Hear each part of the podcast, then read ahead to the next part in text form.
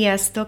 Szeretném ezt az epizódot egy nagy-nagy hálával kezdeni nektek, ugyanis évvégén mindig a Spotify elküldi a felhasználóknak, hogy mit hallgattak a leggyakrabban, és hát gyakorlatilag mindenféle felületen elárasztottatok ezekkel a listákkal, amiken szerepel a podcastom. Úgyhogy én nagyon-nagyon köszönöm, hogy itt vagytok, lelkesen hallgatjátok ezeket az epizódokat. Tényleg nagyon jó esett, nagyon motiváló, mert hát köszönöm a türelmeteket is egyébként, hiszen viszonylag régen volt már új epizód, évvégére egy kicsit én is elfáradtam, meg szerettem volna újra gondolni a dolgokat, hogy mit is szeretnék ezzel a podcasttal, és ez meg is született a fejemben, de erről majd egy másik részben szeretnék beszélni. Nem lesz egyébként, nem kell megijedni, nem lesz óriási változás, tehát minden, amit szerettek benne, az jövőre is megtalálható lesz, ugyanúgy lesznek beszélgetések, ugyanúgy lesznek olyan epizódok, amikben csak én leszek, és most decemberre azt találtam ki, hogy Rövidebb részeket fogok felvenni, viszont azokat gyakrabban fogom megosztani. Tehát így a december hónapban négy, öt, akár hat ilyen kis résszel is fogtok találkozni.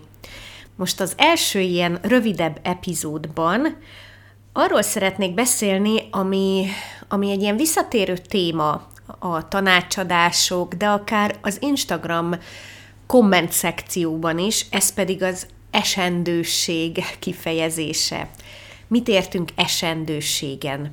Én azt gondolom, hogy a személyes márkáknak az egyik legfontosabb összetevőjük az maga az ember. Tehát az, hogy nem vagyunk tökéletesek, hogy követünk el hibákat, hogy nem minden sikerül a legnagyobb igyekezetünk ellenére sem, és hogy ezekről is merni kell beszélni, ezeket is meg kell mutatni a tartalmainkban, mert hát igazából ettől leszünk igazán mások, mint egy robot, vagy akár egy olyan ember, aki csak a sikereit mutatja, aki csak arról beszél, hogy mennyire sokat keresett, mennyire jó minden, és, és mindig csak ezek kapnak teret, amitől az az érzésünk tud támadni vele kapcsolatban, hogy hát az ő életében minden tökéletes, és tartalomfogyasztóként, talán már te is ezt megfigyelted magadon, sokkal kevésbé tudsz kapcsolódni hozzá emberileg, érzések szempontjából,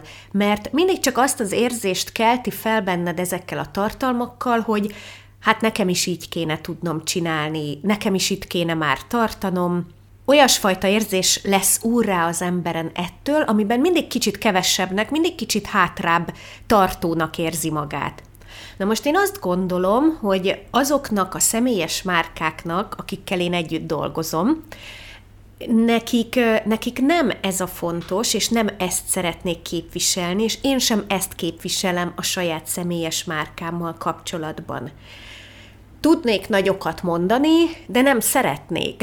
Azért nem szeretnék, mert sokkal inkább értékesnek tartom azt, hogyha egy őszinte kapcsolódást tud létrejönni a közönséggel, és nem csak arról szó lesz, hogy, hogy én mutatom azt, hogy mennyire jó vagyok, és ha tetszik neked is, hogy mennyire jó vagyok, akkor lájkolj tehát ez nem, nem erről szól alapvetően. És akkor itt jön képbe az úgynevezett esendőség, nem tudom, hogy van erre egyszerűen magyarul jobb szó, nekem kicsit furcsa ez az esendőség kifejezés, mert egyébként nem szoktam ezt a hétköznapokban használni, nem tudom ti, hogy vagytok vele, nekem valahogy mindig egy kicsit ö, zavaró, amikor így kimondom, de nem tudok rá jobb szót.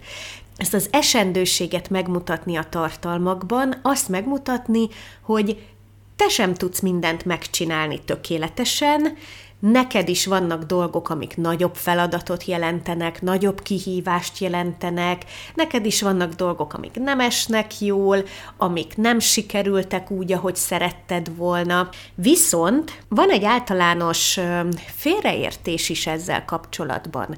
Ugyanis amikor elkezdünk erről beszélgetni az ügyfeleimmel, akkor nagyon gyorsan kiderül az, hogy sokan vannak, akik azt értik ez alatt, vagy azt feltételezik, hogy ez a tartalmakban egyfajta panaszkodásként jelenik meg. Nagyon fontos azt tisztába tenni a fejünkben, hogy az esendőség az nem panaszkodást jelent.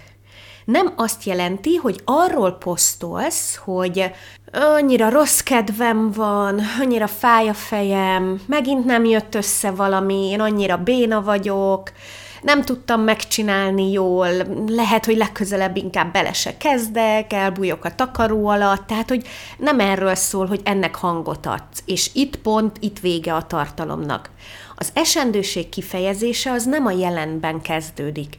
Tehát nem akkor kezdődik, amikor éppen megéled azt a mélységet, hanem akkor kezdődik, amikor túljutottál azon a mélységen, és szeretnél arról mesélni, hogy hogyan jutottál túl rajta, milyen következtetéseket vontál le belőle, milyen tanulságot vontál le belőle, mi az, amit máshogy csinálsz ennek hatására most már. Ugyanis ez az, amiből a közönség tanulni tud, ez az, ami érdekes a célközönség számára, és ez az, ami építi a te márkádat. Tehát semmiféleképpen sem úgy kell gondolni az esendőségre, mint, mint egy ilyen valóságsó, amikor leköveted azt, hogy, hogy neked most mennyire rossz napjaid vannak, és mennyire rossz paszban vagy, és erről panaszkodsz. Ez valóban nem lenne túl profi, és igazából nem vezet sehová.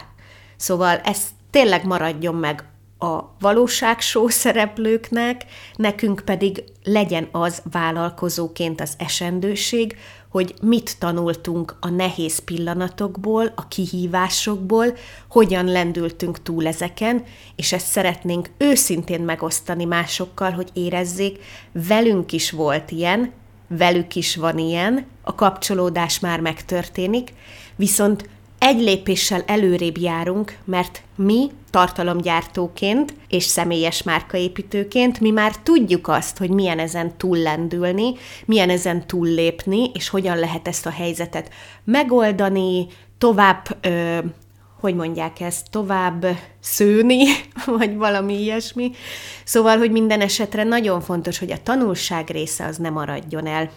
Ez volt a mai kis rövid epizód. Remélem, hogy sikerült egy értékes gondolatot átadnom vele, és hamarosan újra találkozunk. Sziasztok!